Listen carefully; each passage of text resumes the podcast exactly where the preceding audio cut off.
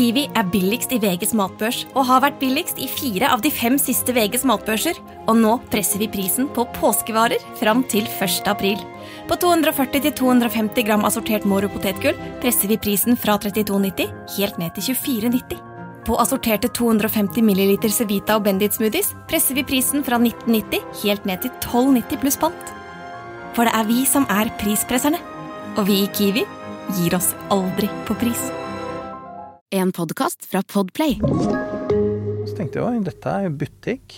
Ja. Så i en periode da på tre år så koker vi og selger en 60-70 oksehoder. Det er helt sjukt. Vi kjører opp på kveldstid til han sjekkeren, stikker til han en konvolutt med penger, og kjører av gårde med fire søppelsekker med avkappa øh, okse- og kuhoder. Og dekorerte og solgte.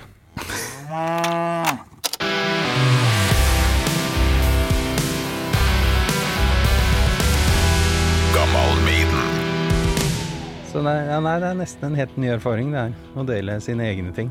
Ja, ja, ja. Og du er tydeligvis god på det. Du holder på med, med film og produsere film. prøve å få litt blest rundt det òg, for du har jo vært på Radio Rock eh, før her og prata om ting, så da har du gjort noe riktig. Ja, det er bra, det. Jeg var innom og snakka om Q-toppen. Kutoppen, vet du. Ja, ja. Det må vi prate mer om. Og Maiden, ikke minst. Um, er du klar? Jeg er helt klar.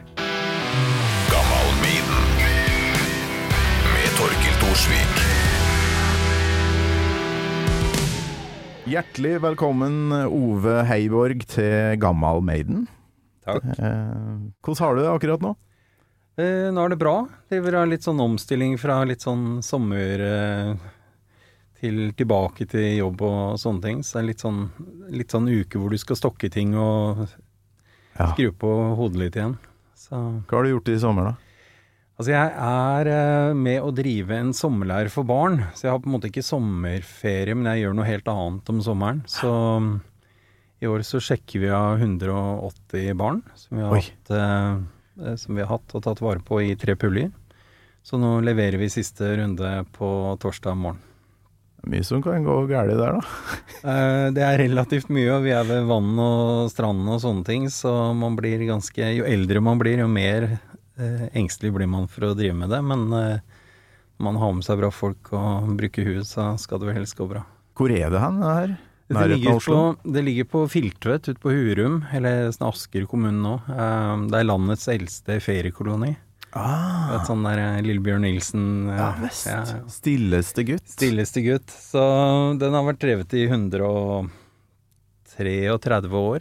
Ja. Så familien min har drevet med de 80 siste, så jeg er liksom feriekolonigutt selv og vokste opp med det, og så har man bare automatisk blitt rullert inn. Ja, ja, ja. Eh, og det er en givende ting. Fin kontrast til det man gjør resten av året, og hy hyggelig å på en måte på et vis gi noe tilbake. Ja, vi snakka litt på vei inn her at du har unger som er såpass store nå at de syns pappa begynner å bli litt kul. Ja, det er morsomt det her. Jeg har, jeg har to stykker og en på 21, og det er som jeg nevnte for deg, så kan jeg føle at jeg kan lene meg litt tilbake. Det har gått bra. Ja, du har fått det til. det er orden på han. Han er, en, han er blitt det jeg håpa han skulle bli. Ja. Eh, og så er jeg på ti, som er litt høyt og lavt, men som jeg prøver å ta litt godt vare på. Og førstemann, han Da var jo ikke helt eh, Det gikk fryktelig fort, og man visste ikke helt hva man Mm. eh, Så nummer to nå så prøver jeg å ta litt eh, godt vare på det. Og Det høres Altså, jeg gleder meg til jeg kommer dit Ja, en vakker det, dag. det er gøy når han begynner å rote i de gamle T-skjortene mine, og plutselig kommer han og, har, og forteller meg om musikk som på en måte har fått en sånn revitalisering og sånn. Da. Så møtes vi på noen ting, og veldig, veldig glad når vi går på en konsert sammen. Da kjenner jeg at eh, pappahjertet eh, er stort, altså. Oi, oi, oi. Nei, jeg gleder meg. Det er godt å høre at det, at det kommer ei tid. Det er veldig, det er veldig stas å kjenne at man plutselig er, eh, får litt sånn kred igjen og er litt kul. Men Ove, det jeg vet om deg, er at du jobber i Kvisten animasjon. Kalles det produsent, den eh, Ja. rollen du har der? Det, det, er, jeg gjør det. Jeg er Ja. produsent på Kvisten, og eh, jeg starta Kvisten for det er snart 30 år siden. Vi blir 30 år til neste år. Så Mm. det er jo Man er ikke ung og lovende lenger. Men Og så har jeg på en måte hatt eh, opp igjennom så har jeg hatt alle mulige roller. Men det er noe med det der å eh, Når du finner, møter flinke folk, så knytter du de til deg, og så Mm. gjør du noe annet sjøl. Så Men nå er jeg produsent og har vært det de 15-20 siste årene. Så Ja, det har jo vært en stor del av livet mitt, det her, pga. grunn av ungene mine. I 12-13 år nå. Ja. Det har vært Sabeltann, det har vært Hakkebakke, det har vært ja, nå sist Kardemommeby. Måtte på kino fire ganger. Og se den samme jævla filmen! Oi, fire, ja! Ja, og så han minsten fikk total hangup og bare måtte uh, se den om og om og om igjen. Um, og det har vært det jækla mye fra quizen, altså. Hva, er, hva jobber du med nå?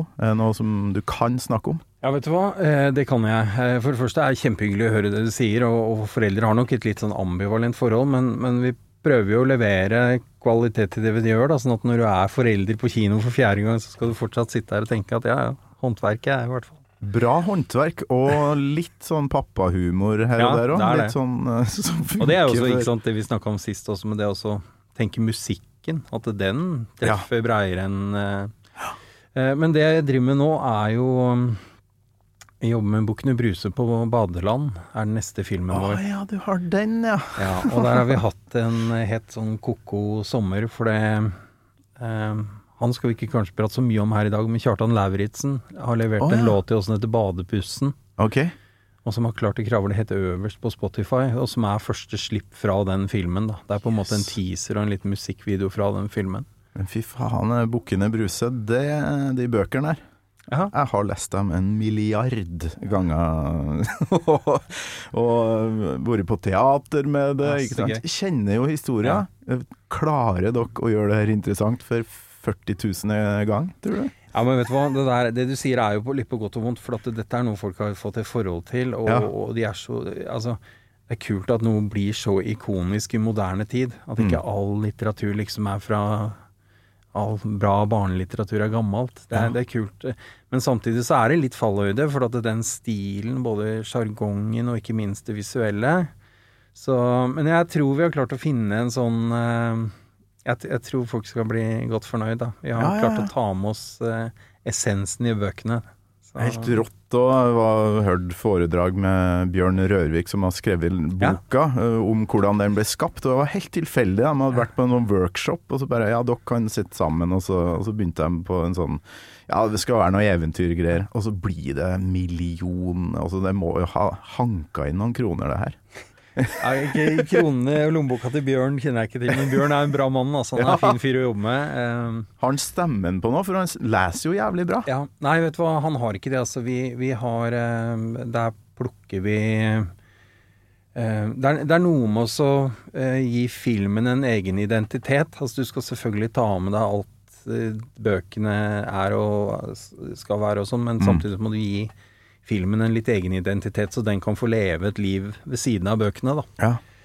Så, altså, vi har, vi har plukka en eh, veldig bra kast på dette her. Og um, så har vi Blomst, da. Rockeblomst. Som skal levere en låt her som kommer etter hvert. Så Kult. det jo Ida sånn- har jo vært innom her. Ja. Hun er jo kjempekul. Litt sånn Maiden-fan òg. Ja. så Ida Harpestad, jækla kul eh, vokalist. Men du, vi må høre på noe rock. Her er musikk fra Kutoppen-filmene. Det er litt eh, Black Debate litt Kvelertak og et band som heter Siste Skvadron.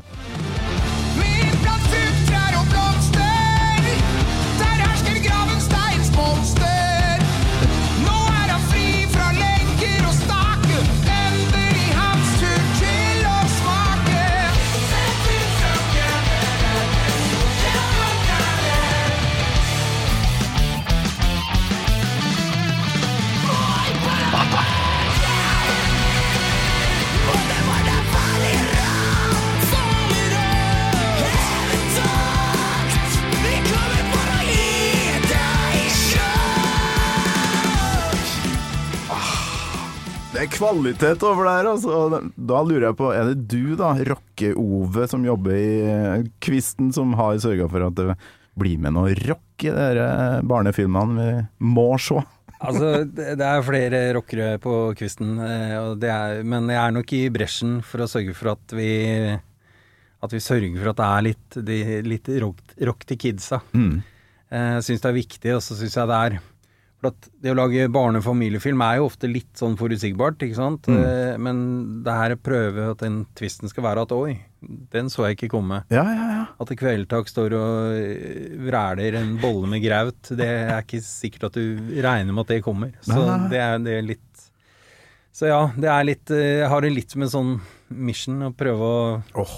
De fleste filmene våre Det var vanskelig med Kardemommeby, da. ja. Det er, Men Kvisten, er det dere som har Knutsen og Ludvigsen òg? ja. Det var jo helt konge når DumDum Boys eh, dukker Ja, ja. opp som fisk i den siste filmen. Ja, det er helt nydelig. Det er, altså, det, Rett skal være rett. Det er et uh, samarbeid med et uh, produksjonshus som heter Tordenfilm. Mm. Bra folk som vi har da koprodusert to Og det å få lov å være tett og på og få jobbe med en legende som Øystein også er liksom Det er noen sånne ting som du har fått lov i livet hvor du bare må stoppe opp litt. Og så må du bare tenke at ok, hva er jeg midt i nå? Dette Ja. her må jeg huske på. Oh, Alt går så jævla fort. Ja. Du, du styrer og sånn, og så noen ganger bare den Oi, vet du hva, nå sitter jeg med han, nå sitter jeg sånn. Altså, dette her må jeg stoppe opp og ta fem minutter, eller fem sekunder i hvert fall, og, Ja. og tenke over. Jeg har òg møtt Øystein Dolmen, og han har jeg vel hørt på like mye som Bruce Dickinson, tror jeg. Ja. Så det var Det er noe med det, altså. Ja, det er sånn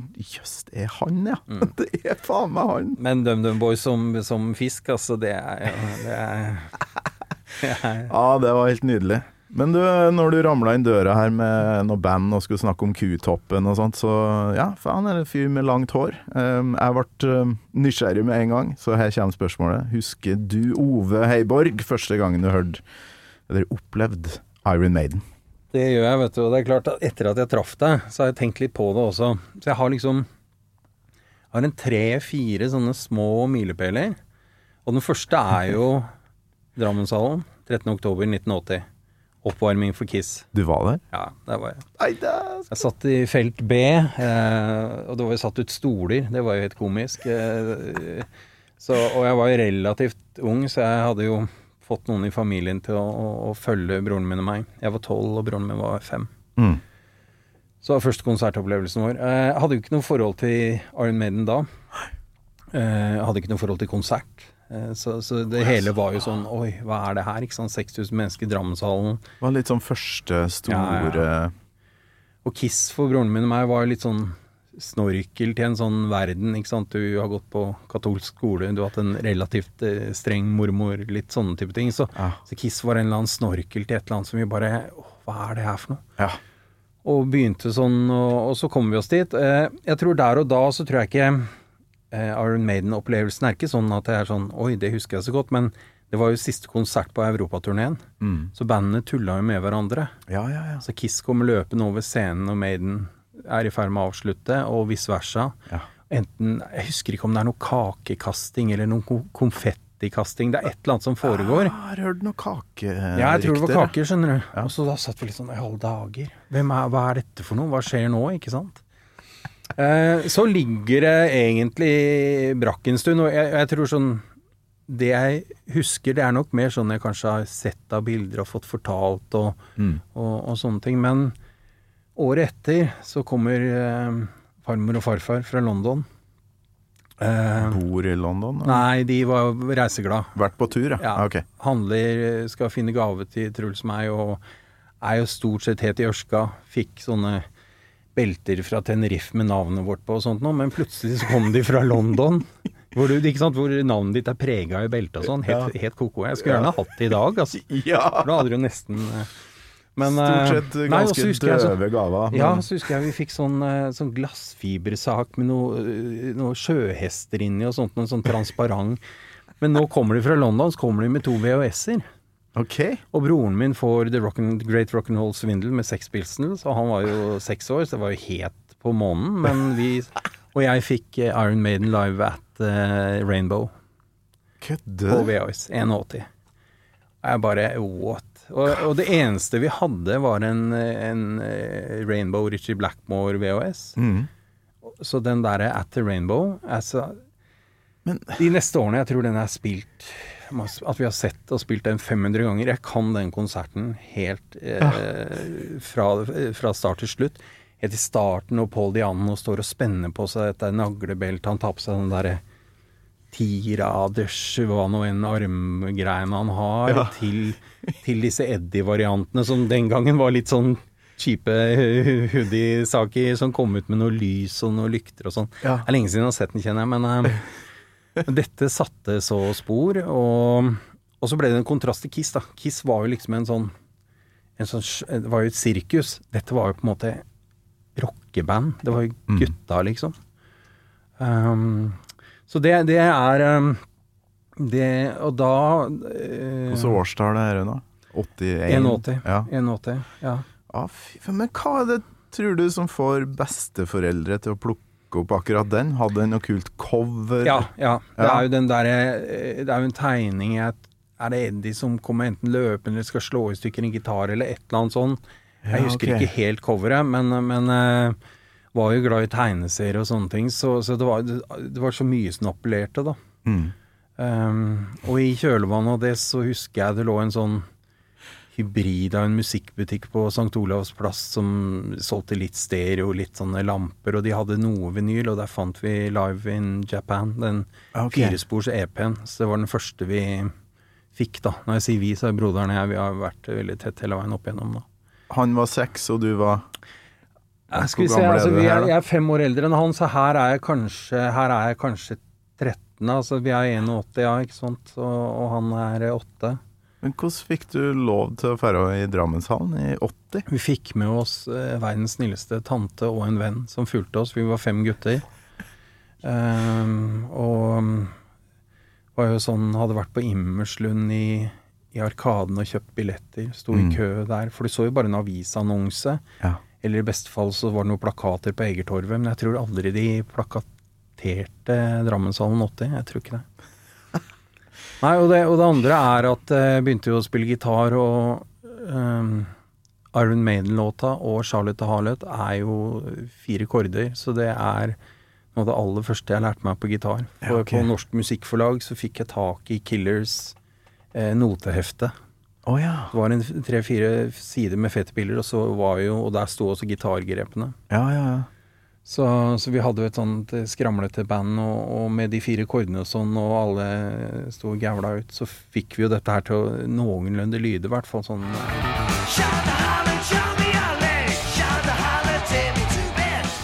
så, så det er liksom Og spilte med Iron Maiden-låta. Iron Maiden-låta. Lite sånn gutte... Prøvde så godt vi kunne, men Charlotte og Harlot var, en- den var jo veldig straight forward, da. Ja. Så jeg lurer på om det var E-mål og A-mål, hvis jeg ikke husker. Det var Det var artig for trommisen å være med på da, da, da, da, da, da, Ja, ja, ja, ja, ja, ja. prøvde, men, men ikke sant. Vi, vi var det er, Her er vi litt eldre, da. Ja, ja, men likevel, altså. Ja, så det er, det er um, Så du har vokst opp i Gryta, du. Oslo, Ja. ganske nært sentrum, egentlig. født og oppvokst ved Sankthanshaugen, Frimannsgate, og bor der fortsatt. Så jeg er skikkelig sånn blir utilpass hvis det er mer trær enn på Sankthanshaugen. Jeg jeg, ja. eh, liker meg veldig godt eh, i sentrum. Ikke et vondt ord om eh, Nord-Trøndelag. Natur, helt fantastisk. Fantastisk fine folk og sånn, men eh, det er jo sånne som deg jeg har vært sjalu på, da, helt Mm. siden jeg var ti år gammel. Mm. Sånn tilgang på konserter, skateboard, skateramper, alt Mm. mulig sånne ting som var så fjernt for oss Ja, oppe i ja. bygda. Så veit du hvor godt du har hatt det, egentlig? Altså, i, eh, i ettertid, og det er, det er noe med det der å se tilbake, så ettertid så har man eh, Man stresser jo litt med at man begynner å bli gammel, ikke sant, og tenker hva faen men, men samtidig så har man vært på en sånn reise som, som både musikkmessig og så mye annet har vært helt fantastisk. Mm. Det å komme om bord sånn der eh, tidlig 80-tallet og få Du har liksom fått med deg en del sånne store, fine ting, samtidig som du har fått vært med på starten på andre ting. Ja. Ja, og Grunnen til at jeg ikke ja, At jeg spiller debatt og kvelertak og Kutoppen-musikk her, er at du har aldri liksom spilt inn musikk. Jeg spurte han har du noe jeg kan spille av her, men eh, du hadde en demo som ligger Ja. på et loft. Ja. Vi, eh, eh, det er litt senere. Vi hadde et ganske kult sånn lite Oslo-band. Det var skrudd sammen av litt forskjellige folk. Eh, Bassisten vår var vel fra Ym-stammen, en eh, tidlig. Men det som er at vi, vi, vi fikk være med på noen ganske fete ting, da. Mm. Tross alt. Eh, for, for det Oslo lille rockemiljøet, det var ikke så stort, så vi, eh, så vi har faktisk fått sånn Du kaller det oppvarming, eller eh, oppvarmingsband, og kanskje Men vi vi spilte spilt før Raga Rockers. Vi har Ja. spilt før Jokke. Vi har spilt før De Lillos. Og vi har spilt før The Monroes. Monrose så. Ja. Det har en jeg stor jo sånn. Det har jo gjort. russesamling. Stor russesamling. Ja. Hvor vi da gikk på først, da. Og jeg husker vi dro i gang med Pinball Wizard til eh, Elton John, og de eh, russen bare sto der Hva er det her for noe? Kommer ikke The Monroes eh, snart? Så, men, eh, men som han har fått The lov- Who-låta? Altså, Ja. Pinball Ja, Wizard? Fra Tommy. Spilte dere Ja, den? Ja. Å, fy faen. Vi åpna med den. En fantastisk låt. Ja, det er helt nydelig. Og det var én av gutta i bandet som på en måte var kvalifisert musiker. Vi andre var eh, Var med. Ja. Vi hadde høyt hår og var med. Så Så han fiksa den godt. Ja. Men det betyr jo at du har vært backstage med Raga og, og Jokke, ikke minst. Hvordan opplevde du den tida der? Altså, dette dette er igjen sånn derre hvor du Brytningstid, altså. Ja, eh, for at nå er vi i 84, 85, 86, har vi liksom denne striken hvor vi får lov å spille foran disse bandene. Og det var fordi at vi var et eller annet sånn Vi var et decent Oslo-band og gjorde halv 50-50 med coverlåter og egne ting. Mm. Og coverlåtene drar jo alltid opp god stemning, mer enn kanskje våre egne, men, men det var en sånn Så jeg tror vi var et, vi var et kult band å, å bruke litt, da. Men øh, Og dette er jo liksom før disse Altså før klikker helt, og disse blir svære, altså. Så Ja, ja, nå kaller vi det De fire store, men det Ja. var det jo ikke snakk om i 85. Jeg husker eh, da vi skulle spille før Raga Rockers, så skulle vi faktisk få betalt. Det var helt eh, For det, det var det, det var Og så eh, Det var natt til 1. mai, så det var litt det, Jeg tror sånn Man prøvde vel å finne på arrangementer sånn at eh, kidsen ikke skulle være ute i gata og kaste stein, ikke sant. Ja. Og, men så er det da noen som klarer å øh, sparke i stykker hele sånn toalettfasilitetene på det stedet vi spilte, da. Okay. Så da ble alle sånne honorarer ble trukket tilbake og gikk til å dekke eh, reparasjoner på Så det For det var jo musikken sin feil, det. Så klart. Selvfølgelig. Så den, en, den ene gangen vi skulle få betalt, så endte vi der. Um, men eh, det var, var vel ikke noen summer å snakke om uansett. så- Husker du hvilken plass det var? Var det bare sånn forsamlingshus, eller hva? Hvis jeg ikke husker helt feil, så lurer jeg på om det var på Ullern skole. Ah, Ok. Ja, En sånn skolearrangement, skolerock-variant. Yes. Eh, for det var også det vi var på med eh, med Jokke. Eh, Skolearrangement med Jokke. Ja, det het sånn, det het sånn skolerock, het det, ikke sant. Så, så dette er jo på en måte før disse bandene tar, de, tar til de litt større scenene, Så hvor de fortsatt sånn signa på å spille for 500 stykker på Fagerborg skole. Hvordan var Joakim Nilsen så tidlig på 80? Altså, vet du hva, det er jo, det er jo sånne ting man På en måte så er man glad man har opplevd og egentlig ikke visste så mye annet enn at det var bare en del av det du fikk oppleve. Og så sitter man jo i ettertid og tenker at å, skulle ønske jeg tok litt mer inn over meg akkurat det som skjedde der og da. Um, og jeg har blitt godt kjent med broren hans og, og sånn i ettertid, og, og prøvd å tenke mye tilbake på disse greiene, men, eh, men du er så der og da, og, det er litt sånn som jeg sier i stad, det der også innimellom stoppe opp og tenke oi, nå er jeg faktisk med på noe som er verdt å liksom Mm. tenke litt mer over, da. Ja, ja. Har du noen gang spilt eh, altså låta du har valgt til episoden? Har du spilt den noen gang i band? Nei, jeg har ikke det, altså. Um, ja, den låta, det var sånn når du skrev til meg, så var det helt umiddelbart. Ja, hvorfor, Eh, ja det, vi kan høre introen, Ja. og så kan du fortelle uh, hvorfor. Bare si tittelen, du. Remember tomorrow.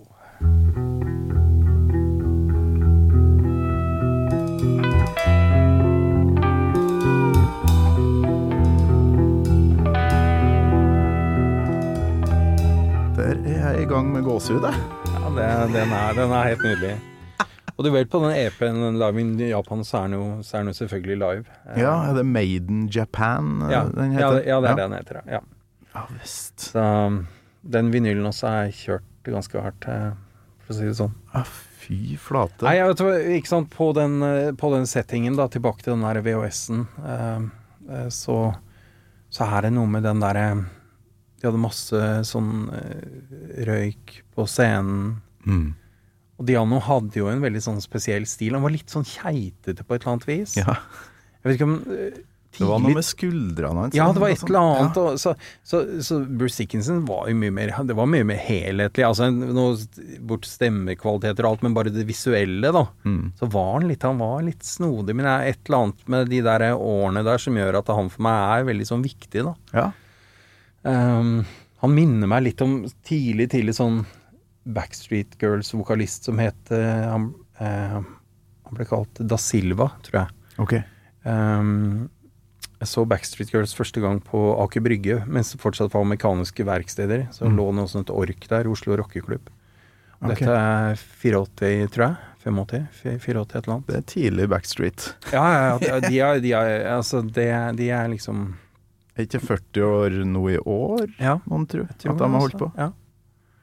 Så, um, og han, han minnet meg litt om Paul Diano sånn i stilen. Og okay. det var noe litt sånn eh, eh, Hva skal jeg si? Ja? Litt sånn der eh, Rocky Horror Show-aktig også, han eh, over Diano. Så det, er, det er vel litt sørgelig affære i, i nyere tid, og han rota det vel litt bort, så Jo, jo. Men, men de to platene, eller de to med han, syns jeg er eh, Så husker jeg fikk eh, Number of the Beast fikk jeg på picture disc. Oi, oi, oi. Kjøpt på Electric Circus i Øvre Slottsgate. Ja, ja, ja.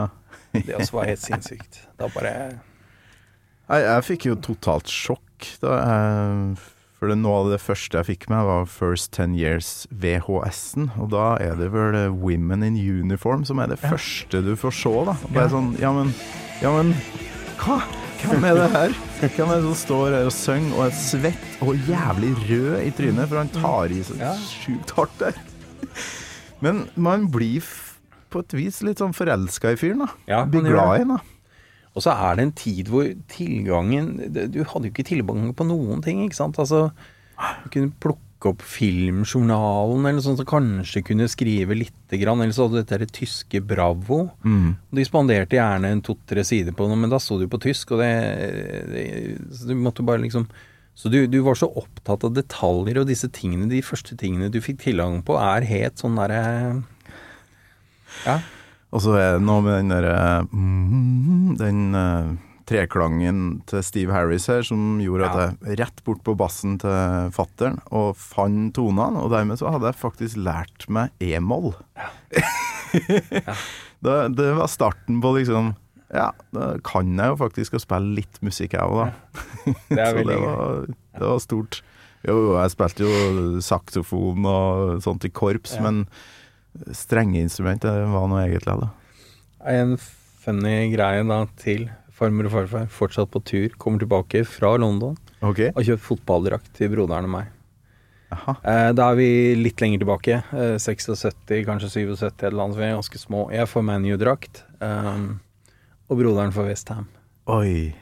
Og eh, de hadde jo ikke peiling igjen. Bare plukka de to første som hang i en eller annen hylle. Ja, Eh, ManU og Westham på 70-tallet, vet ikke hvordan Nei, ikke sant. Og så har jo Når du kommer på, på slutten av 70-tallet, og du har alle disse skotske landslagsspillerne på ManU og sånne ting, så jeg, det er jo Selv om de ikke gjør det fantastisk bra, så er det en sånn viktig tid for meg, da. Ja, ja. Fotballkortene og sånn. Mens broderen han tok jo Westham til sitt hjerte, ikke sant? Eh, for han fikk jo den drakta, og det var jo sånn, det skulle jo ikke mer til. Nei, nei, nei. Så, men så da Og igjen så er det noe med tilgang, og det var de hadde jo en Han var vel nesten kaptein på England, Trevor Brooking, husker jeg spilte der, liksom. Da var det en sånn litt peak for Westham. Men så dukker det opp at Steve Harris er Westham-fan. Jeg tror vi avslørte det på noe svettebånd i et eller annet magasin eller noe sånt, ikke sant. Ja, ja, ja. Eller om han hadde Hammers-logoen på bassen, eller jeg husker ikke. Og da plutselig fikk jo Westham litt sånn kred i gjengen, ikke sant. For Steve Harris var jo liksom Westham. Ja. Så da plutselig var broderen litt sånn Oi, Westham, ja. Så, men var broderen òg litt sånn Maiden-fan, eller? Ja da, vi, vi har fulgt hverandre tett i alt hele veien ved å eh, runde av noen hundre konserter sammen og sånne ting. Så eh, vi hadde jo på en måte Kiss som nesten var litt sånn eh, livsstilaktig forhold til. Mm. Og så har vi jo vært til stede og, og sett alle disse bandene, 80-tallsbandene, liksom vokse fram og, og sånn. Litt sånn dilemma, kanskje, kan det være, sånn Powerslave-tiden hvor Maiden bare vokser forbi Kiss og blir større. Da kjente du en eller annen sånn Gikk litt sånn sjalusi, var liksom litt, litt på forfengeligheten, da. Ja, ok. Ikke sånn, Vi er sånn midten av 80-tallet, og Kiss roter seg jo litt eh, bort og vekk. Jeg elsker Eran, ja, altså, men, men sånn som band så var de vel litt, eh, litt eh, ute. Og da er, er jo Maiden virkelig på vei opp, og er det i Drammen i 86 eller 87 hvor de har en sånn oppblåsbar Eddie med store hender som blir blåst opp foran på scenen og sånne ting. Ja, han var 86 sikkert. Ja, så som, ser det ut som han favner om publikum, og da sto jeg og tenkte faen, nå er, det, nå er de større og bedre, altså. Dette, og det var, det var fantastisk fantastiske veier der, men det var litt vondt, ikke sant? Det blir personlig. Ja. Faen, nå er Maiden blitt eh, større enn Kiss, ja. Ja, det Og når grunchen kom, jeg, jeg elsker jo mye av det, og jeg er veldig glad i Men da, da var det litt sånn Hva skjedde med alle gutta nå? Ble alle gutta forbigått? Så, nei, men det er jo det er noe med igjen den derre personlige tingene du fikk til, tingene du var mindre, som, som har blitt så viktig for deg opp igjennom. Da. Og han eh, karen vi skal høre på nå, litt vers fra Remember Tomorrow. Unchain the colors before my eyes. Yesterday's sorrows, tomorrow's white lies. Bra låt, altså.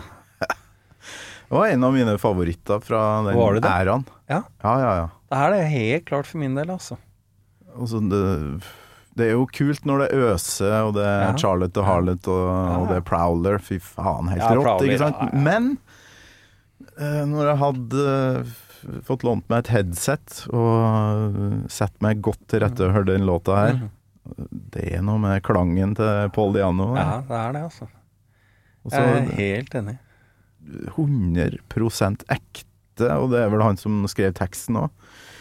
Litt sånn følsomt, hadde mista en vektig bestefar her nå i livet sitt, og så skriver han 'Remember Tomorrow'. Mm. Det, er- det er stort, ass.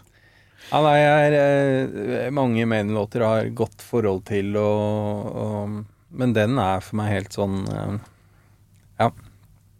Ja, jeg prøver å tenke om det er noe annet litt sånn balladeaktig som jeg Fra Maiden, som jeg har et like sterkt forhold til, men jeg tror faktisk ikke det, altså. Prodigal Son har Mm, ja. noe av det samme.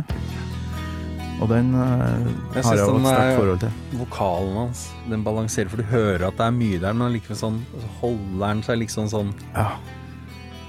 ja, for der har jo faktisk ikke Bruce Dickinson Han har ikke noe førstegir, han. Nei. Han går rett Ja, opp i andre, tredje, rimelig kjapt. Men uh, vi må jo opp i, i uh, høygir etter hvert her. Litt uh, refreng.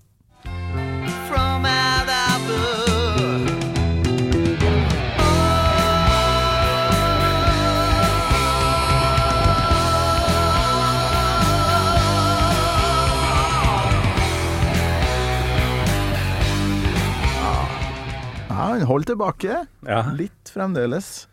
Jeg syns det er helt genial låt. Hvordan det er bygd opp på de forskjellige nivåene på noe sånt. Mm. Mm. Ja, jeg husker første gangen jeg skulle være med å lage ei låt, så Mm. var det her litt sånn malen. At vi skulle ja. begynne rolig å bygge eh, sakte, men sikkert opp. Og jeg har egentlig aldri skjønt hvorfor ikke flere band har ei sånn låt på hvert jævla album. ja, for det, egentlig. Få, ja.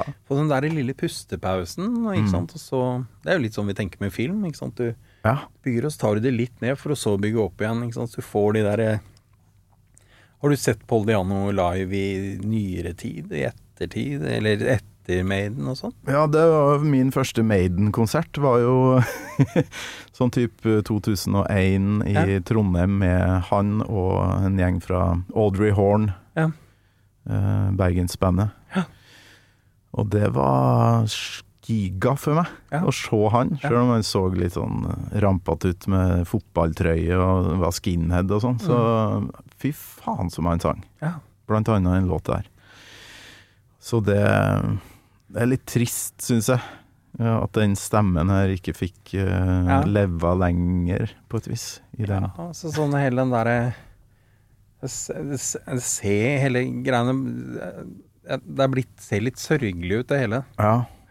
Nei, altså Han har jo spilt inn en egen versjon. Har du hørt den, eller? Nei, det har jeg ikke hørt. Har et lite klipp her, da. det, øde, det ødelegger ikke, for han synger bra, men ikke, han har ikke like god smak på den her, syns jeg, som Nei. han hadde i lag med gutta i Maiden. Da. Vi kan jo høre litt på det.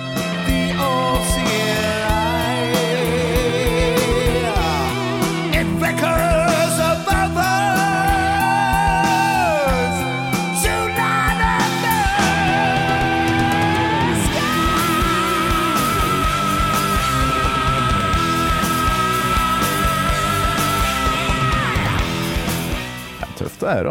Ja, det er det. Det er, det er jo tydelig identiteten hans. Ja.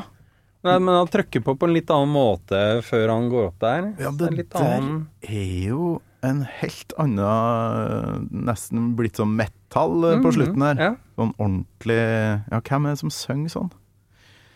Med så klar uh... Er vi litt over i Rob Halford-land? Ja, kanskje, kanskje det. Ja. fin versjon. Det finnes jo en milliard. Metallica, har du hørt den? Nei. Det er jo faktisk litt uh, interessant, for den starter jo uh, på en sånn typisk Metallica-måte.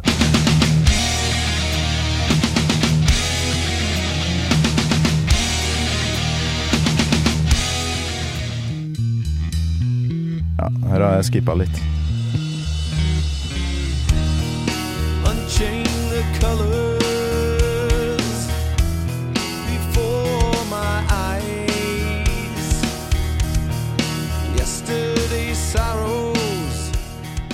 Det er ikke noe tvil om at det er gjort med respekt, da. Mm. Og han har litt stemmeleie til det, egentlig. Ja.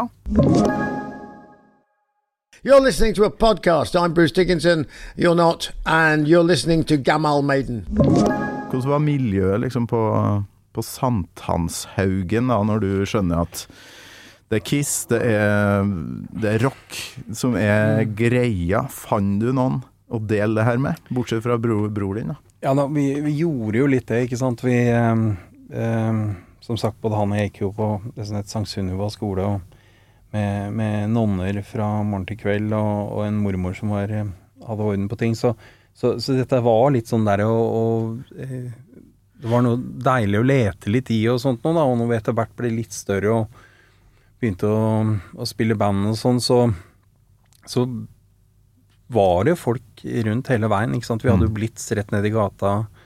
Spilte jo med noen av disse gutta i hva det het for noe. Stengte dører og Disorder og noen av disse Blitz-bandene fra 80-tallet. Ja, ja. Eh, Spilte med noen av de i At i perioder. Jo, jo Raknes fra Stengte Ja. dører her. Ja, ikke sant? eh, den må du Eh, høre. Ja, det er morsomt. Men du fikk, du fikk lov, da. Uh, altså, det var ikke det var så så sånn der- katolsk oppvekst at de faktisk holdt deg litt igjen, for det har jo folk opplevd. Eh, for å si det sånn, det var jo litt sånn Det var litt under radaren, da. Eh, og særlig de første Kiss-plakatene og sånt noe. Det var eh, Det falt, vel ikke helt i god jord, men Måtte gjemme dem bak skapet, eller? Ja, ja, ja, det var litt sånn. Inni skapet og sånne ting. Ja, sånn, ja. hadde det på innsiden av døra, ikke sant. Så åpna du døra, så lå det også bare ja, ja. Måtte åpne skapet for å, for å kunne være deg sjøl. Ja. Nei, vet du hva, det, det, det var egentlig Det var helt easy, for at vi var eh, Jeg tror både broderen og jeg vi var så snille gutter sånn sett, så det var liksom ikke noe Det var ikke noe trøbbel med oss. Vi fikk lov å holde på litt med dette her. Og så litt seinere så fikk jeg jobb i noe som het eh, Rebel Records. Eh, Ja.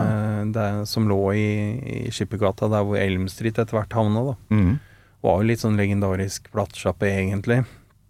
Uh, jobbet med en som het Bjørn Erik, som var han som starta rock'n'rolls uh, i Å, ja. sin tid. Det er vel, det er vel litt eh, rest in peace på Bjørn Erik. eh, men um, eh, så, så da ble det jo det at jeg tok jo aldri ut, ut lønn. Tok jo bare lønn i vinyl. eh, Ja. og, og sånt. Og så, så vi fikk liksom hele tiden fylt på, da. Ja. Så, så, så det var sånn gradvis eskalering på både plakater på vegger og, og samlingen og, eh, og, og, bandet, egentlig. Men du sa nonna på skolen. Altså, nå, Ja, ja. Det, nå ser jeg for meg sånn eh, i, i sånn kjortel, eller? altså. ja, ja. Vi, vi snakker, snakker ja, det. ja, ja, Sankt Sunniva, altså. Det Ja, var, Sankt Sunniva. Fin, ikke noe vondt å si om Sankt Sunniva. Vi ble jo, det ble jo skikk på oss. Og, og men det var greit? Det var ikke noe sånn spanskrør og jævlig strengt, vi, liksom? nei, vi er litt over det, men det var strengt. Altså, Ja. Du kan tenke deg en skolegård på vinterstid hvor ingen bøyer seg ned og lager snøball. Vi står bare og ser på den nye snøen som har landa, men alle bare står pent og ser på snøen. Ikke sant? Det var litt sånn. oh, Så, så det var stramt, altså. Det var, det var stramt, men ikke noe sånn eh, Vi, var ikke, vi er ikke på spanskrøret, men eh, så, så det, var, det er mer den kontrasten av det du, du søkte og lette etter, til det du hver dag var i, da. Mm. Eh, så Da blir jo rocken ekstra sterk, ja, det gjør det. Var Kiss det første, eller var det noen som uh, lekka litt Deep Purple og noe Zeppelin? Jeg vet eller? hva? Ehm, det som eh, Der hvor jeg virkelig kan huske at det skjer et eller annet, det er i 79 når Jahn Teigen er med i Eurovision med Mil etter mil. Og slipper albumet This Year's Loser etterpå og står på forsiden der med Flying V og lang frakk. Der var broderen jeg var bare For at i Eurovision fikk vi se hjemme, ikke sant? Det var litt sånn familiegreie. Ja. Og han kom jo inn, og så kan du si hva du vil om det i ettertid, men men han var jo ganske rocka der og da med Mil etter mil og dro på, ikke sant. ja, ja. Splitt opp og solbriller og sånn. Da var det sånn hva er det her for noe? Så, så vi hadde et par år der med, eh, med Jahn Teigen over i en dags pause og mentalkrem og, og litt sånne ting, før vi liksom eh, Men Popple, opp Popple da. Og sånt, fikk ikke nyss i at det var Bare ting man har tillagt seg og lært om i ettertid. Eh, og så kom jo Kiss i 79 med I Was Made For Loving You. Ja. Som jeg får på en opptakskassett av en i sjette klasse på Sankt Sunniva. Og så får vi på et eller annet vis sett den videoen, og da gikk det trill rundt for oss. Da var det bare sånn What? Hva er det her? Og, og høsten da, 1980, så kom jo både Unmasked, eh, eller om det kom på våren, og så kommer de jo til og med da til Oslo. Og da var vi helt eh, fanga. Det kan jeg forstå. Altså, I Was Made For Loving You har jo et dårlig rykte, men eh, folk skal ikke glemme at det er første Det er inngangen til utrolig mye er mennesker ja, til, til rocke... Ja. Nei, jeg er helt enig. Den er spilt litt i jernet og, og har vel mye omdiskutert, men den for meg er en sånn Ja, det er litt sånn langgang. Ja, ja, ja. så eh, Det er eh, Så husker jeg vi fikk tak i Fikk bestilt fra en eller annen sånn der eh, tvilsom håndskreven postordreliste eh, Kiss Live at the Inner Sanctum i Australia, også i tidlig 80. Ok. Det var helt sånn, ganske dårlig opptak, men det slukte vi jo rått. Så Er det ikke Alive 2 som er liksom uh, the holy grail for Kiss-folka? jo da, det, det er jo både Alive og Alive 2 er jo sånne milepæler for oss. Og så eldre vi blir, jo mer liker vi å diskutere igjen. Du veit hvordan det blir. Så Var du i Tønsberg, da? Ja. ja. var det selvfølgelig det. Um, og egentlig står og bare kose meg. Slutta å være så kritisk til det. Mm. Det er liksom La det få være det det er. Ja. det er lett å plukke det fra hverandre. og Jo, men Så, men så jeg, jeg slutta med det for uh, lenge siden, og egentlig når det kommer til Kiss, så Jeg tror broderen og jeg har runda eh, et eller annet sted mellom 30 og 40 Kiss-konserter siden 1980, da. Og såpass, ja. Og, og det har blitt så mye mer enn bare å dra på en konsert. Du, du drar, det er gutta på tur, vi tar med familie, drar og ser dem i Gøteborg og du lager en greie ut av det. Da, Mm. da, da, da blir det Det er egentlig en ganske fin ting, da. Så, så det blir rart nå når de pakker sammen, selv om jeg også erkjenner at spandexen må på hylla snart. Ja, Jeg så dem i Trondheim, jeg da. Var ikke i Tønsberg da. Nei. Trondheim 2019. Ja. Da tenkte jeg at det her kan de holde på med i Ja. ti år til. Men uh, det kan hende de drar en sånn Re reunion. eh.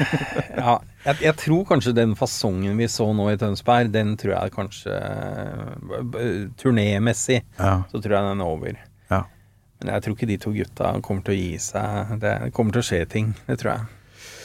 Hvis det er mulig å cashe inn og grunker, så, så skjer det nok noe mer. Helt, helt sikkert. Det er jo litt sånn der Det er litt sånn Du kjenner jo litt på at alle helter nå er pluss minus 70, og de forsvinner jo en etter den andre, så Ja, jeg fikk et sånn søkk i meg her om dagen da Nico McBrain eh, sto fram med at han har hatt et slag i Ja. tidlig i år. ja. For vi merka jo at det var lite trommebreaks på den siste Ja. ja. turneen nå. Ja. Litt annen måte å spille på. Ja ja, han er gammel. Mm. Men eh, ja, det var et, eh, et slag, da. Og da, nei, da går det litt opp for deg at Ja, nå Faen, vondt, var det siste Ja. gangen? Ja. Det Ja, det gjør litt vondt, altså. Der, for det, men, men heldigvis altså, kommer det jo bra ting. Men uh, det er noe med de der uh, Den der gjengen der, for å kalle det det, som uh, satte deg godt fast. mm. ah, Litt mer musikk, da, og så må vi bable mer.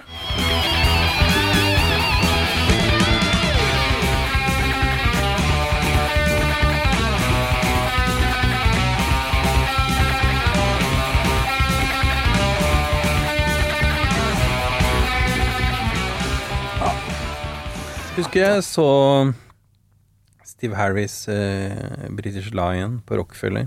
Ja. Det gjorde litt inntrykk på meg, for det var litt sånn De har jo blitt et arenaband.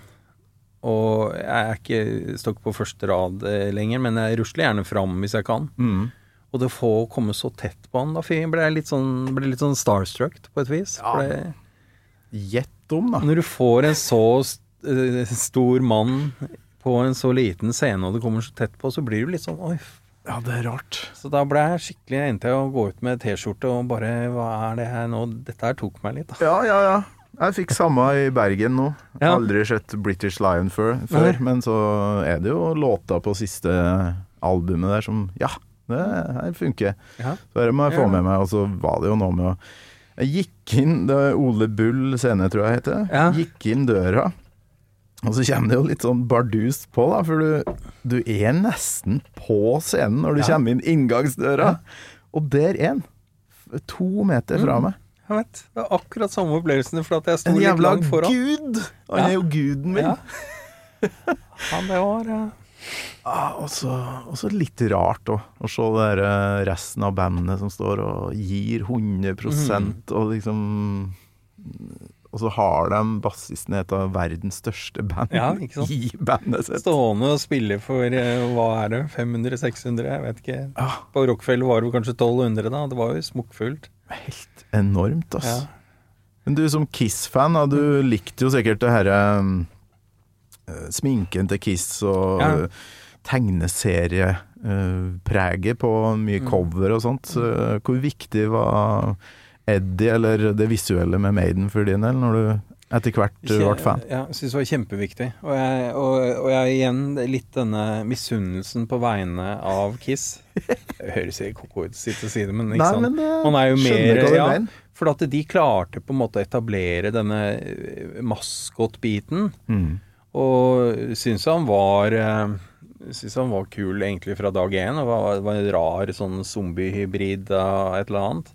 Men så klarte vi å bygge videre på den. Ja.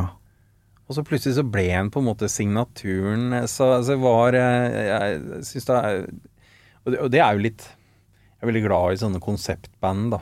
Sånn Mm. som så Selvfølgelig skal du ha musikken godt forankra i midten her, men det å bygge ut, lage, lage en helhet ut av det, ja. jeg er veldig glad i det. Det er jo helt øh, vilt, den der reisa til Eddie, for han er jo Ja. i um, litt sånn bakgatene i London først. Ja. Og så inni ei sånn polstra celle på Peace of Mind. Ja. Ja, og så holder han jo tross alt uh, Satan, Satan i, i sånn i uh, marionette... Ja. Ja, den plata, den, den, den, Ja. den ble smuglet litt sånn rolig inn hjemme. Ja, der har du det første litt sånn geniale hoppet hoppet han tar, da, fra å være en sånn bakgårdsramp uten hud, til å, å bli eh, han som faktisk eh, er over Satan igjen. Men neste på lista er jo Powerslave. Ja. Når, når han faen meg klarer å tegne Eddie så, så lekkert inn i, en, uh, i den pyramidegreia. Abu, Abu Simbel-tempelet, ja, Ja. jeg veit jeg var het. Og, og den overføringen til scenen da Ja. Ja, det var ja, lekkert. Da var vi slått, altså. Da, øh, Og De her eh, sjakalene som var på sida Ja, ja, ja. der. Å, fy faen, så jævlig sånn visuelt ja, Det slår deg, vet du. ja. Det var det, det, er, det er nesten sånn Altså, jeg er ikke så tett på, men sånn visuelt høydepunkt, så den der Power Ja. Slave-biten.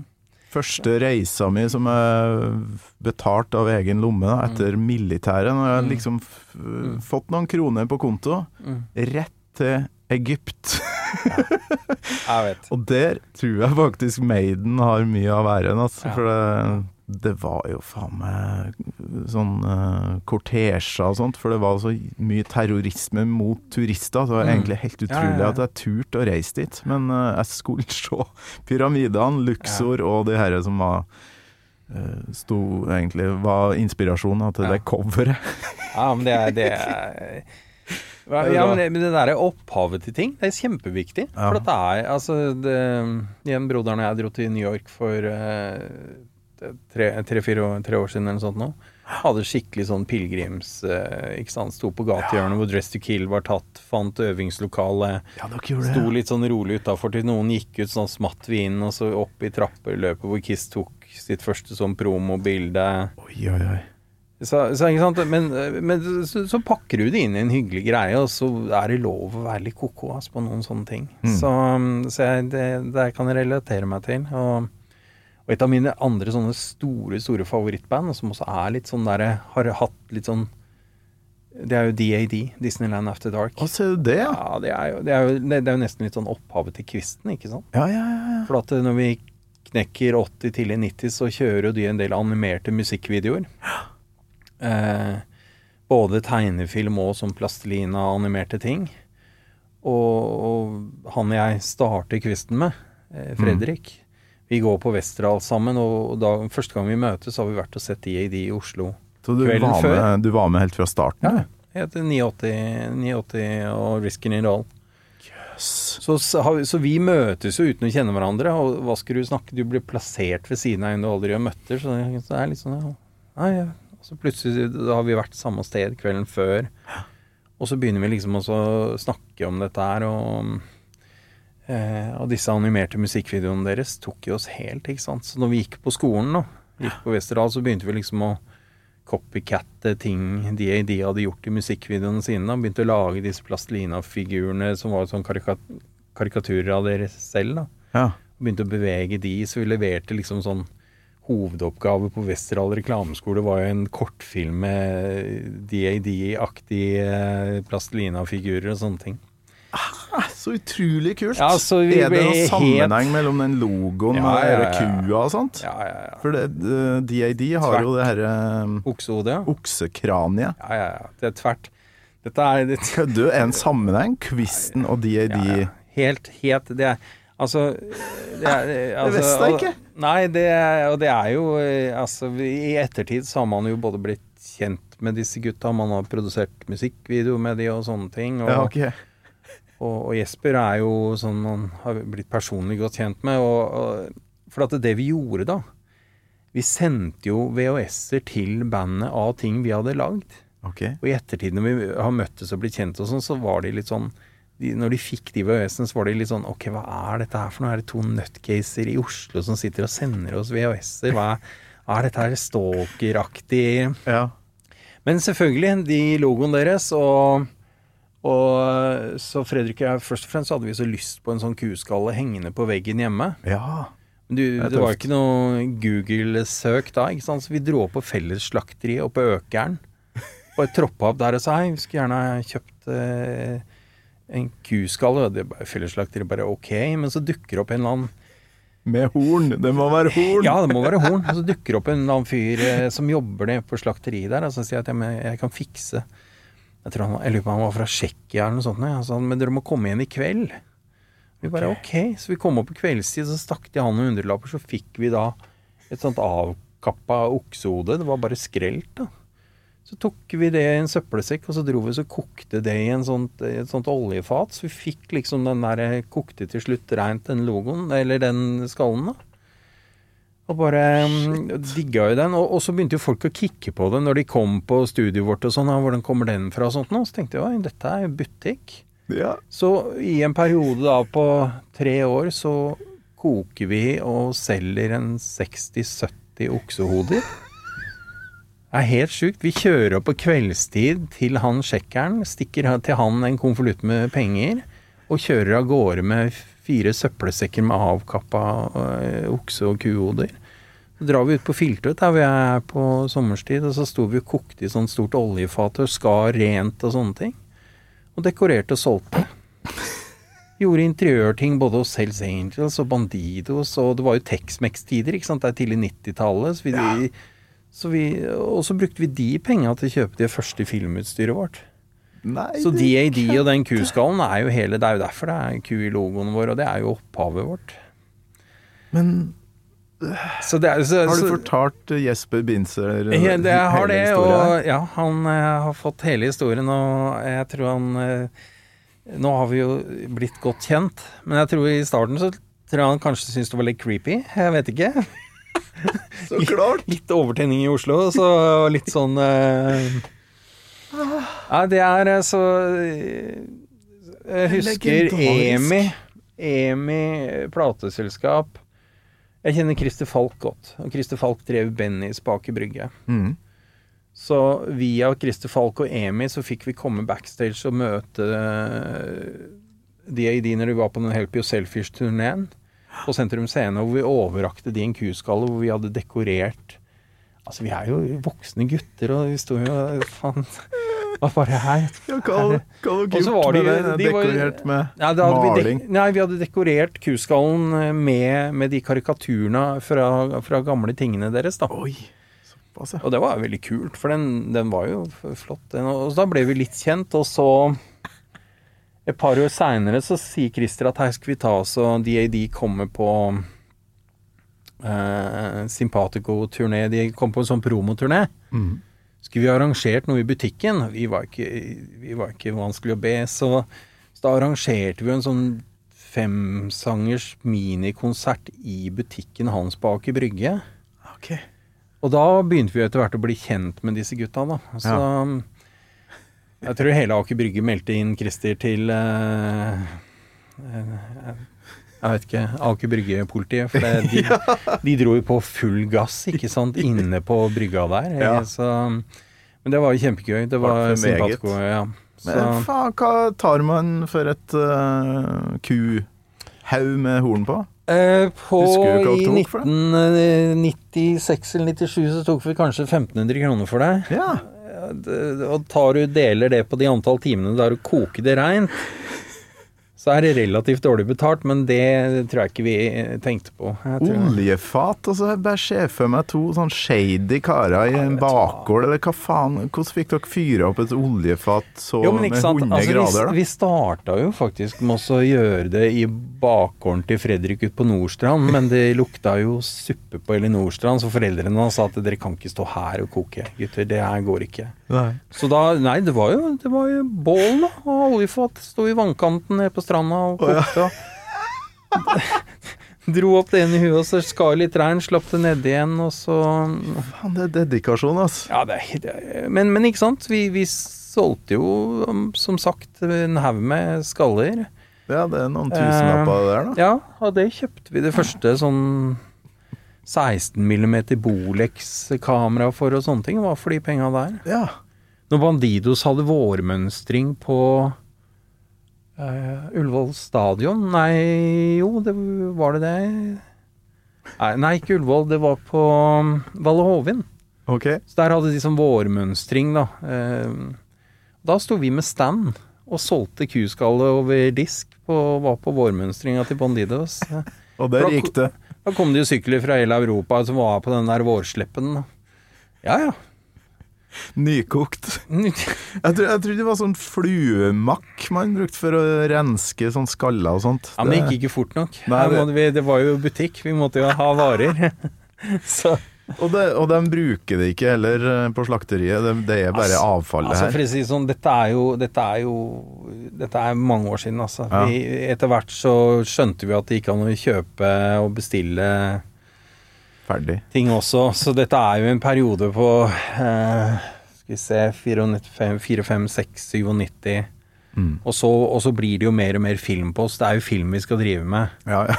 Men vi hadde vel litt sånn eh, Vi hadde ikke så mye å Vi fikk jo ikke så mye filmoppdrag, for å si det sånn, så vi måtte fylle tida med noe annet. Hva var første liksom, oppdraget som kasta litt av seg og ble litt kjent for dere?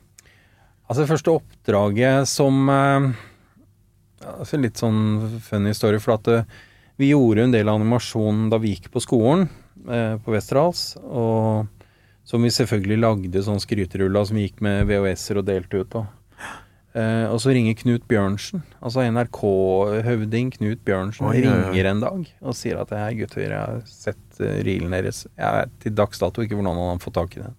Okay. Jeg vil gjerne ha et møte. Så, så første sånn ordentlige oppdraget var faktisk en vignett for et program Knut Bjørnsen skulle ha. Oh, ja. Så, så Fredrik og jeg liksom ble bedt om å komme på møte, og der satt eh, Knut Bjørnsen sammen med en som het Jon Andreassen, og en, og en tredje. Det var liksom sånne høye herrer, underholdningsherrer på NRK. Ja, kan dere lage dette for oss, gutter? Ja, selvfølgelig kan vi det. Og vi hadde jo ikke peiling. Vi var, vi var jo så vidt starta, men uh, Var det stop motion? Ja. ja. Det var det eneste vi hadde forståelsen av. Altså Tegnefilm og annet kunne vi jo ikke. Men stop motion, det å bevege en dukke foran kamera, Mm. Wallace og Gromit, DAD og sånn, det hadde vi liksom Ja. skjønt da. Og vi var jo iherdige, så vi lærte jo oss ting hele tida. Så- Fantastisk. Men da, neste gang jeg ser eh, en film fra quizen, så har jeg da, da har jeg en bakgrunnshistorie for den der For dere har et sånn mø i starten her.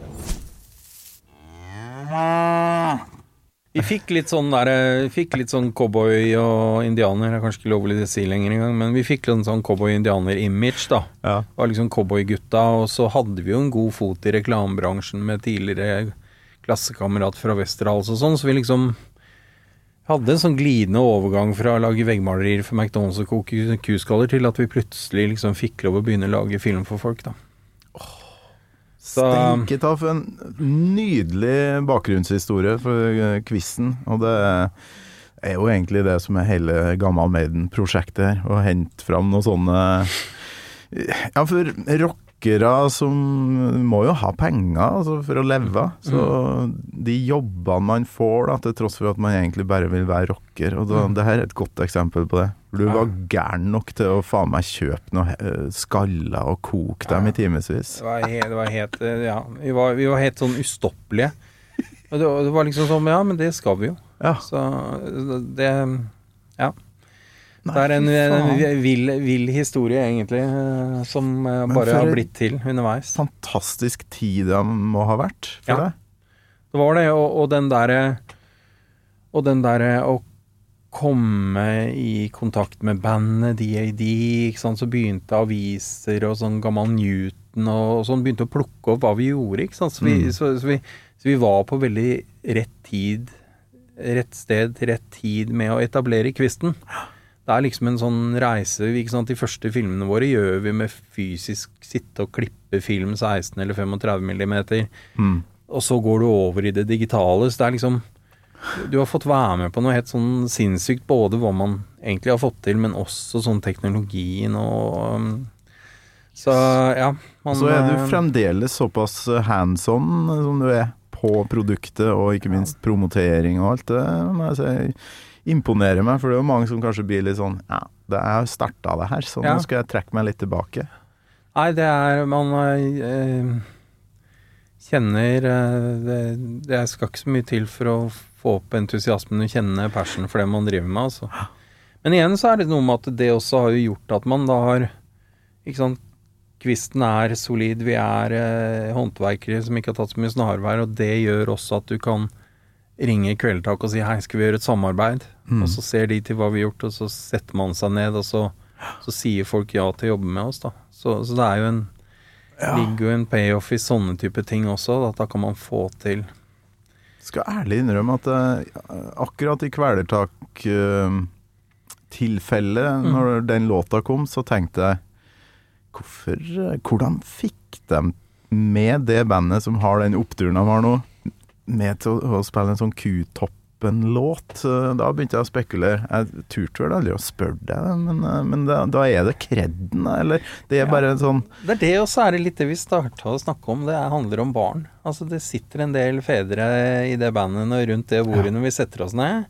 Og den relasjonen til barna våre, så gi bra innhold til barna våre, om det er musikk eller om det er film eller Det er så mye dritt der ute som i hvert fall sørger for å, å levere ordentlige varer til, eh, til barna. da. Ja. Og sånne ting tror jeg man responderer på, enten man kjenner seg igjen eller tenker at ja, men vet du hva. Og så er det noe med at det å koble eh, flinke folk Ikke så veldig beskjeden, så, men Kvisten er en gjeng med flinke folk. Mm. De er et bra band, og så setter man seg ned og sier at hva, dette kan bli gøy.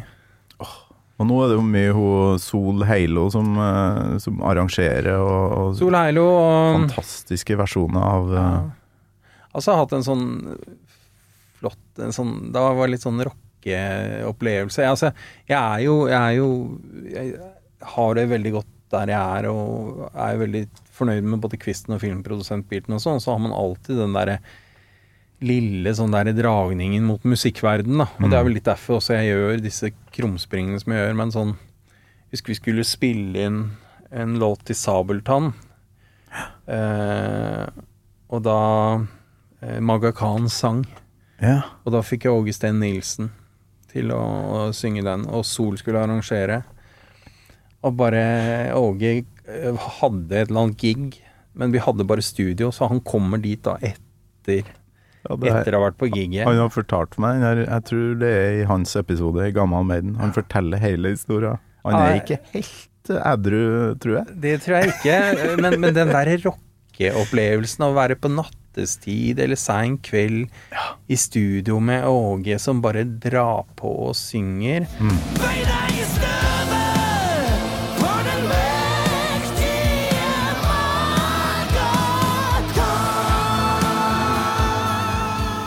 Jeg ble kalt inn eh, for å synge den låta helt sånn i siste lita, for at eh, skuespilleren som egentlig skulle synge låten, han fiksa det ikke. Så da ringte de til meg og lurte på om jeg kunne komme bort. Jeg er på event, jeg er nesten der. Altså. Jeg kan stikke en tur etterpå. Så du så var var litt studio. på en snurr, eller? Du, jeg var i studio sånn etter tolv en gang, halv ett kanskje. Men ikke si det til, til barnet ditt. Og da fikk jeg vann på mølla og tenkte at ok, her må vi ha noe ordentlig gitar. Og så reiste opp til Ronny Letekere på gården hans og var der en dag. Altså, jeg blir så glad, vet du. Han drar jo på. Så ikke sant, da har du Åge og Ronny i en Kaptein Sabeltann. Da, da har jeg fått alt jeg vil Ja. i én pakke. Tikka av noen bokser der. Ja, ja, ja. ja. Det var eh, Og den derre Den går jævlig høyt, den Maga Khan-låta der. Den går høyt. Og dessverre så er det jo Det er jo det, Ronny sitt innslag Det burde jo kommet en sånn remix hvor den er lagt høyere. Ja. Men han drar på på slutten der, altså. ja, fy faen. Så Det det, er en bra fyr. så det er noen sånne, sånne fantastiske erfaringer og opplevelser du får da ved at du, du har etablert og lagd kvisten, og så, så finner man sånne ting, da. Faen, retninga den praten her tok med de der kuskallene der, eh, du har gitt meg Du gjorde dagen min. Ja, men det er hyggelig å høre. Og det skal sies også når vi snakker om gamle folk. Altså, de, de gutta er jo De er vel eh, pluss-minus 60. Men er det noen som på en måte ikke Som tåler har tålt tidens tann, så er det det bandet, altså. Jeg har sett dem to ganger på kort tid igjen, og Ja. det funka som ei juling. Altså, Jeg kjenner dem ikke så godt, så jeg tenkte sånn Ja, de spiller sikkert den der Laugh and a Half-låta Ja, ja, som var på et eller annet soundtrack, eller Powered Ballads, eller hva det var. back in the days. Ja. Nei, de spilte den ikke, og de Nei. trengte ikke. Nei. For de har jo faen meg Jesper må du ha som gjest, tror jeg, neste gang han er i Oslo. Ja, han er jo litt sånn radiokollega òg, så Ja. han, eh, Han har jeg prøvd å få inn, men det er jo når det skal passe, da. Ja, det er det. Så vi eh, krysser fingrene for det. Gjerspa. Så det, det viser jo alt du har snakka om her, at vi må, vi må huske hvor vi kommer fra, på et Ja. vis. Remember yesterday, men vi må remember tomorrow. Fy flate, den ble nesten litt, nesten litt bra overgang til avslutninga på låta di, Ove.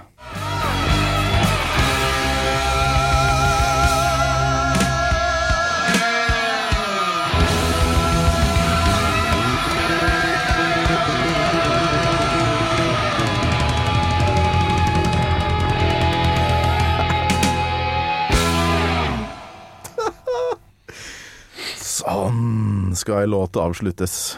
Og det er kult å tenke på at den begynner med dum, dum, dum, dum, dum, dum. Veldig. For ei oppbygning, da. Ja, nydelig. Og for ei oppbygning av episoden her. Det var et klimaks. Altså, har du mer sånne sjuke historier? Så vi må nesten komme tilbake, liksom? Eller? Ja, men det kan jeg gjøre. Jeg har jo Altså, du har jo en kollega som heter Stein Johnsen. Han har vel runda 700-800 konserter. Jeg tror jeg kanskje har vært på 500 av de, så vi har jo fått en Ja, Det er mange ting Stein, man har fått han, uh, han har vært på sikkert 60 bare i sommer, han tror jeg. Ja, ja, Stein er jo helt uh, Han er en han- legende. Ja, ja, helt fin fyr og Så du reiser litt rundt med nå, eller eh, treffer han Eh, vi, vi, eh, han arrangerer jo ofte vorspiel når vi skal på de samme tingene. Eh, og så henger vi når vi treffes. Ja. Så, og så kommer jo han også fra film- og TV-verden, så våre veier har jo på en måte Men eh, hvordan vi ble kjent, er jo også eh, Han hadde jo butikken ved siden av Christer Falk på Aker Brygge. Ja, ja, ja. Så Stein- Business car, det. Ja, Stein solgte jo sånn eh, igjen, jeg vet ikke om det er lov å si, indianereffekter. Eh, pil og bue og yes. type ting der nede. Indian Trail var vel det. Så, sånn sett ble sånn ble jeg kjent med Stein, og det er det er jeg glad for. Stein har Indianer. Det der tenkte jeg på nylig, for jeg var på en fest der eh, noen skulle være Village People plutselig, noen 50-årslag, og så Ja. var, er det jo en indianer Ja, i det det. Village People fremdeles, faktisk, har jeg sett. Um, og da tenkte jeg, er, hva er egentlig greit? Nå, Ja. altså, det er jævlig vanskelig. Ja, det er veldig vanskelig. Ikke sant. Det er eh, Washington, Washington Redskins finnes ikke lenger, og det er eh, Stemmer det? Indians i baseball er borte. Altså, det er litt sånn Ja, man må trå varsomt. Jeg var jo alltid, ville jo alltid være indianer jeg, når Ja, jeg var cowboy og Ja, Ja. Nei, Sølvpillen var jo Tok lang tid å erkjenne at det ja, ja, Tinka. Herregud. Falk. Ja, ja. ja. Vet du hva, Kvisten lagde faktisk et uh, julekort for mange mange år siden hvor jeg var Sølvpillen og Fredrik var Falk. Ja, ikke sant? Det er ikke greit. Skikkelig Vi lenger. ble styla, og jeg veit ikke hvor mange som skjønte greia, men uh, vi lagde det som en tegneserieside eh, med bilder av oss selv i disse rollene. Uh, jeg tror vi kanskje hadde morsommere, mer moro enn at folk catcha det, men det Jeg skal sende deg det, så kan du se. Det må du batter det gjøre. Men for ei herlig reise. Vi får uh, Vet du hva jeg kom Ta en på? pils Jeg en dag. har en Ja, veldig gjerne. uh, jeg har en Maiden-pin fra 88 som jeg kjøpte i London første gang jeg var i London. Oi. Du hadde bursdag forrige dagen. Den skal jeg den skal du, den skal jeg, den må du ha, tror jeg. Å ja, for du bruker den ikke?